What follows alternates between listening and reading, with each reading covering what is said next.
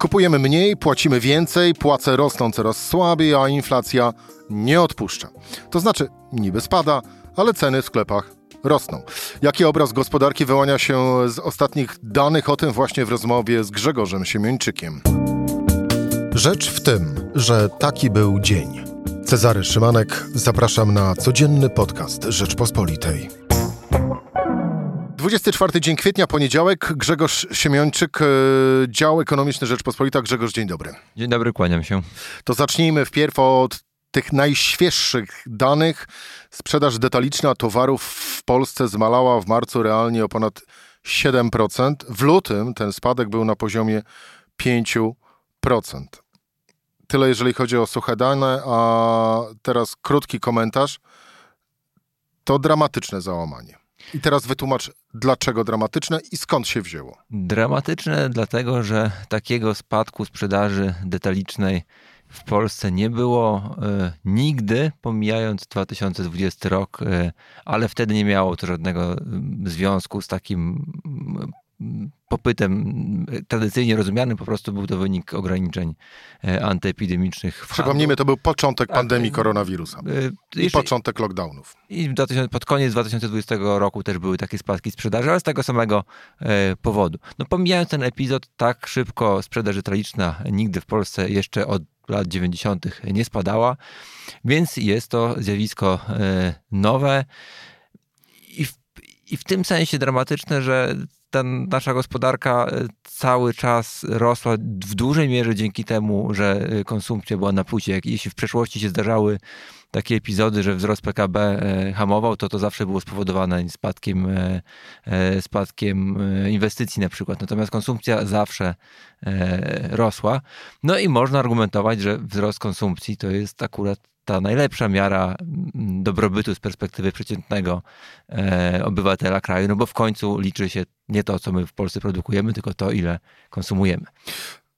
Profesor Tyrowicz, członkini Rady Polityki Pieniężnej, y, komentując y, te dane, stwierdziła, że tak naprawdę mm, owe tąpnięcie w sprzedaży detalicznej pokazuje czarno na białym, w jakim stanie jest polska gospodarka, bo do tej pory łudziliśmy się, że ona jest w bardzo dobrym stanie, że mamy miękkie lądowanie, bo choćby nawet właśnie wyniki dotyczące sprzedaży pudrowały nam a to napływ uchodźców, e, a to właśnie e, zakupy Polaków, aby pomóc, pomóc Ukraińcom, a oto dane za marzec są takimi pierwszymi, prawdziwymi, pokazującymi prawdziwy obraz polskiej e, gospodarki. Prawda czy fałsz? E, no, ch chyba, chyba jednak fałsz, w tym sensie, że rzeczywiście e, te, te dane nie do końca odzwierciedlają y, stan polskiej gospodarki. One odzwierciedlają w dużej mierze te czynniki statystyczne. E, ten wzrost populacji Polski e, wskutek napływu uchodźców był naprawdę potężny. To było przecież prawie 4% e, populacji w, w pewnym momencie. Teraz tych ludzi jest mniej. Ale no i, i to podbiło sprzedaż. Teraz to się odwraca. Odwracają się też takie zakupy, które ekonomiści nazywają przezornościowymi. Na, na, na przełomie marca i lutego 2020 2022 roku sporo Polaków się ustawiło w kolejce na stacjach paliw na przykład, bo bali się, że w Polsce też może być jakiś, jakiś, e, jakiś konflikt e, zbrojny. Tego teraz też nie ma i ta baza odniesienia z tamtego roku z kolei jest w danych i to prowadzi do spadku sprzedaży.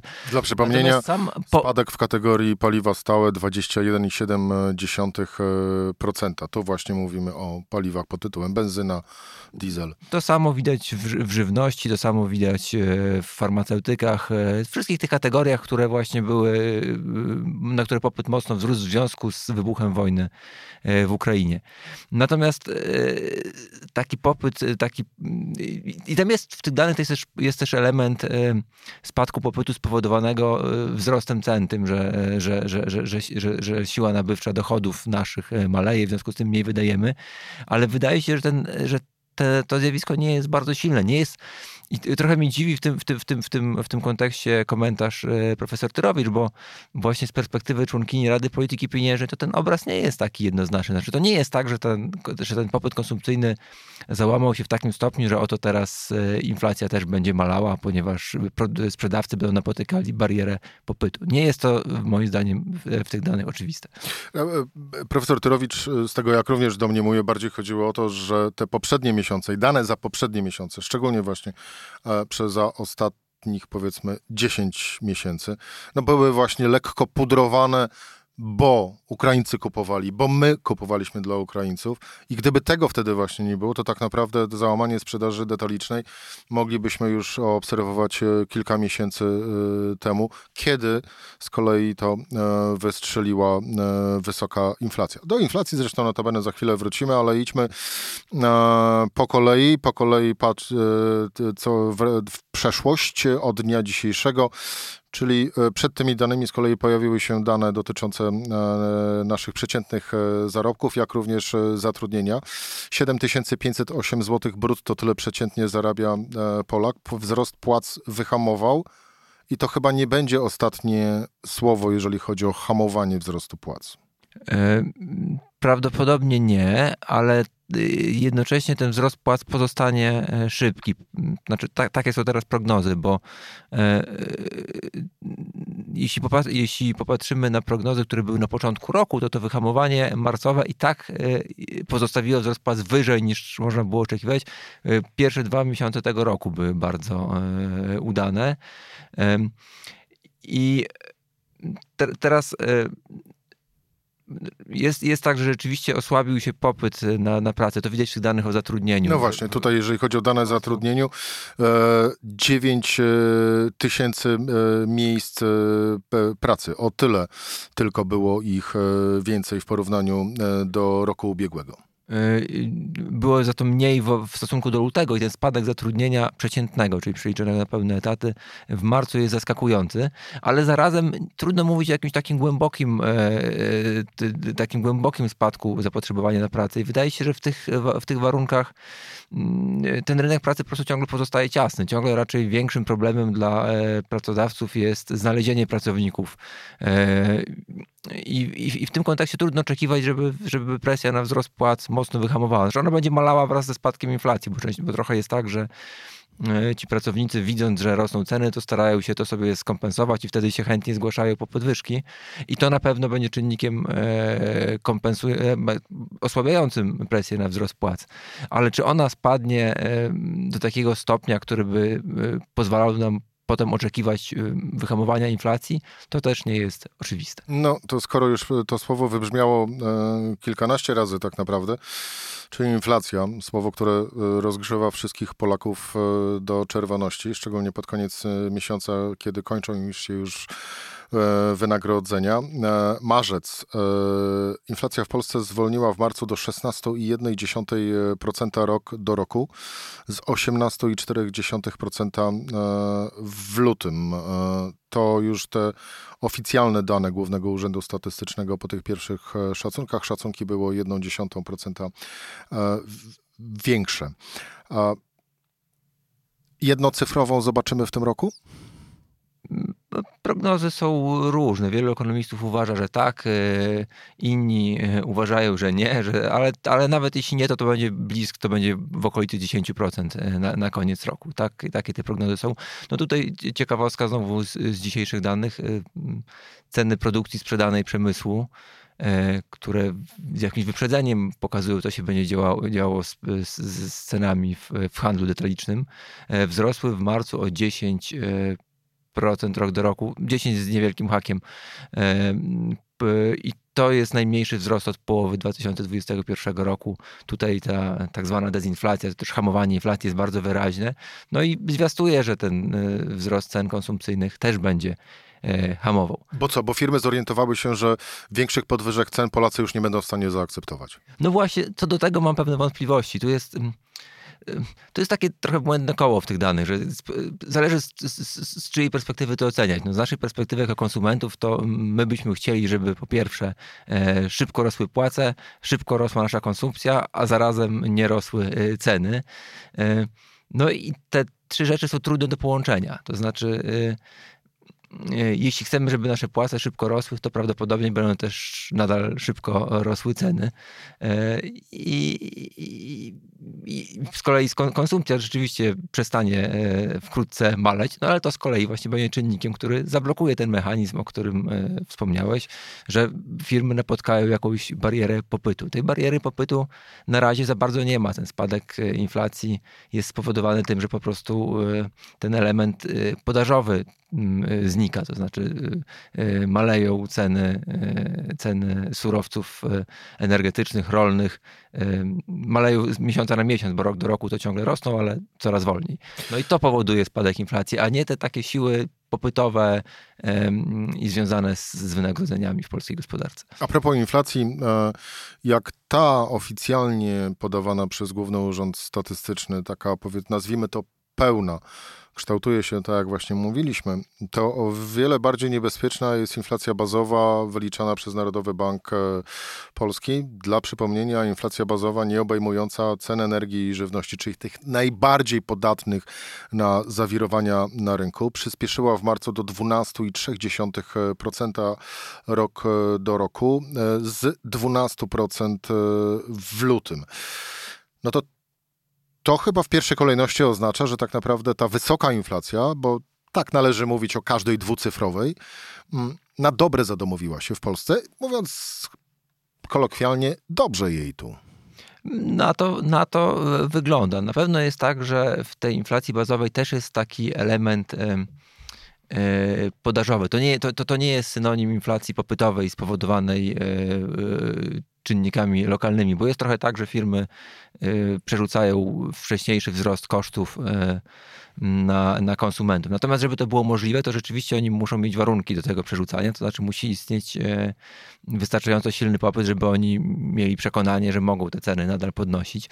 No i faktycznie te warunki w polskiej gospodarce są takie, że nie bardzo widać, e, żeby ta bariera popytu się tutaj miała e, pojawić. Wracamy do tego, do tego pierwszego wątku, że sprzedaż detaliczna maleje szybko, ale paradoksalnie nie musi świadczyć o załamaniu popytu konsumpcyjnego e, z powodu mm, słabości naszych dochodów na przykład. Te dane dotyczące inflacji e, zdeszmy jeszcze z wypowiedziami polityków głównie rządzących, no bo ta mm, ogólna inflacja, tak to nazwijmy, mm, roboczą, mm, czyli y, ta podawana przez Główny Urząd y, Statystyczny y, 16,3%, to wedle nomenklatury rządu tak zwana putinflacja.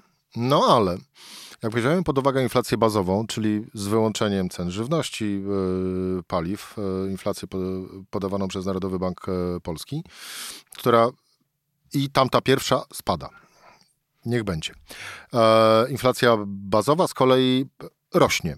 Mm, no i można by powiedzieć, że to skoro tamta pierwsza, która spada, to putinflacja, trzymając się narracji rządu, no to ta druga, czyli inflacja bazowa, to jest ta właśnie PiS inflacja.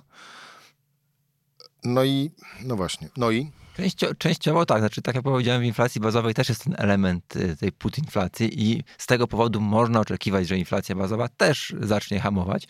No ale problem polega na tym, że ona z dużym prawdopodobieństwem zatrzyma się gdzieś w okolicy 10% i czy będzie dalej spadała na przykład w przyszłym roku, nie jest wcale oczywiste. No i wtedy będzie można chyba z czystym sumieniem e, i bez narażania się na jakieś e, oskarżenia o stronniczość polityczną powiedzieć, że to jest PiS inflacja, no bo ona wtedy będzie wynikała między innymi e, z, dużej, z dużych podwyżek płacy minimalnej i z rozmaitych transferów, które mają łagodzić wpływ obecnej wysokiej inflacji na budżety gospodarstw domowych. To jest pewien paradoks, że jest sporo takich czynników, które są w gestii rządu, a które podtrzymują tę presję, presję inflacyjną w gospodarce. I żeby jeszcze też jasno i klarownie wyjaśnić, ta inflacja podawana przez Główny Urząd Statystyczny, ona y, nie spadnie poniżej poziomu inflacji bazowej, więc im inflacja bazowa będzie dłużej się utrzymywać na wysokim poziomie, tym tak naprawdę również ta inflacja, ten przekaz inflacyjny, który dociera do, y, do Polaków, będzie również utrzymywał się na wysokim poziomie. Na, na dłuższą metę nie spadnie. Może być tak, że inflacja ogółem, główny wskaźnik inflacji znajdzie się poniżej inflacji bazowej i niemal na pewno tak będzie w drugiej połowie tego roku, no bo zniknie ten y, komponent y, zwyżek cen energii i paliw, który tam y, występuje. Co nie zmienia faktu, że tak czy inaczej inflacja na dobre de facto rozgościła się, rozgościła się nad Wisłą. Grzegorz, zbierzmy to w jedną całość, czyli załamanie sprzedaży, mm, hibernacja, tak to nazwijmy, jeżeli chodzi o zatrudnienie, niewielki wzrost e, średniego wynagrodzenia, mm, niebezpieczny wzrost inflacji e, bazowej, no, delikatny e, spadek inflacji jako, jako takiej. Jaki z tego obraz gospodarki sumaryczny wobec tego płynie?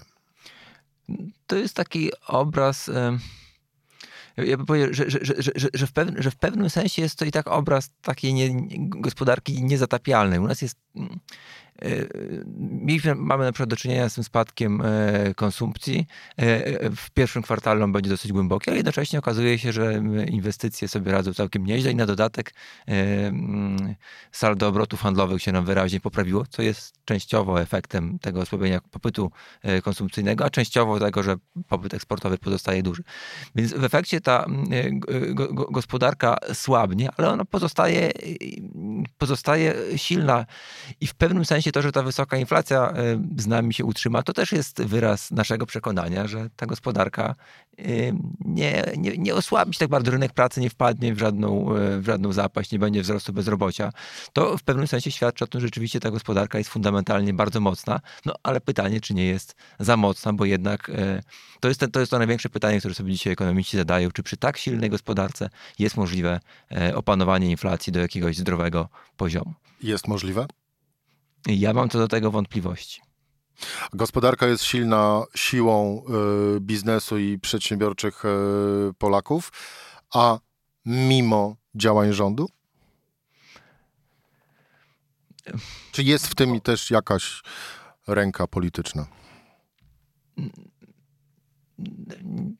Nie wiem, czy jakiś takich na, dłuż, na dłuższą, na, pewnie tak, pewnie patrząc na takie bieżące dane, to jest tu element e, odporności, który zawdzięczamy w jakimś sensie polityce rządu. To na przykład są te transfery łagodzące e, wpływ wysokiej inflacji na budżety gospodarstw domowych. Natomiast w dłuższym, takim patrząc horyzoncie, to ona jest raczej silna e, pomimo e, po polityki e, rządu a dzięki Polakom i dzięki polskiej przedsiębiorczości.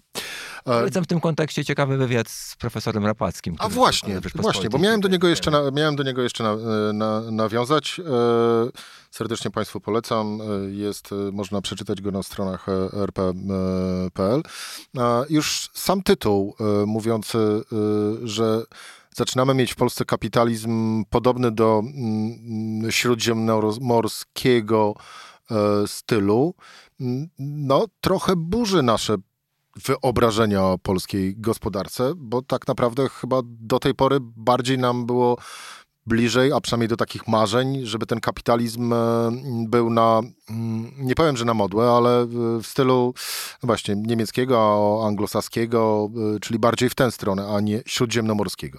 No, najbardziej ja, ja, ja, sobie wyobrażam, że rząd e, też myśli o swoich e, reformach i o swoich e, swoich pomysłach jako zbliżających nas trochę do takiego nordyckiego modelu. To znaczy, że rzeczywiście ten, to państwo jest silne, ta polityka e, społeczna jest taka odpowiedzialna i wspierająca, ale jednocześnie jest ten duch przedsiębiorczości jest e, silny i to jest jednak nadal gospodarka taka mocno rynkowa. Tak właśnie działają te, te, te, te, nordyckie mm, gospodarki. No ale, ale z tego, co mówi profesor Ropacki, wyłania się taki obraz, że, że, że, że, że, że, że po pierwsze e, aktywność państwa się bardzo przesuwa w kierunku wydatków socjalnych i to jest rys bardzo podobny do tych gospodarek śródziemnomorskich. No a po drugie, że coraz większą rolę odgrywają takie nieformalne mm, E, jak to ekonomiści lubią mówić, instytucje, to znaczy nieformalne e, normy e, zachowań. To znaczy, to, to po pierwsze też silne więzi rodzinne na przykład, ale brak zaufania do państwa, które robi bardzo dużo, żeby mu niespecjalnie ufać. E, I, i to jest ta, ten kolejny aspekt, który nas upodabnia do tych gospodarek e, śródziemnomorskich. A to raczej naszej przyszłości. Niekoniecznie dobrze, dobrze wróży, bo tak naprawdę e, częściej docierają do nas niedobre wiadomości, jeżeli chodzi o gospodarkę i finanse z krajów śródziemnomorskich niż z krajów na przykład północy, czy też naszych zachodnich sąsiadów. To prawda. Taki się wyłania przykry obraz z tego e, wywiadu. Grzegorz Siemiańczyk, e, Dział Ekonomiczny Rzeczpospolita. Dziękuję Ci bardzo za rozmowę. Dziękuję serdecznie. To była Rzecz w tym w poniedziałek. Cezary Szymanek. Do usłyszenia.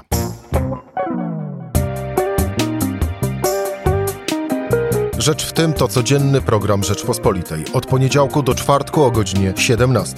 Słuchaj na stronie podcasty.rp.pl. Włącz Rzecz w tym w serwisie streamingowym.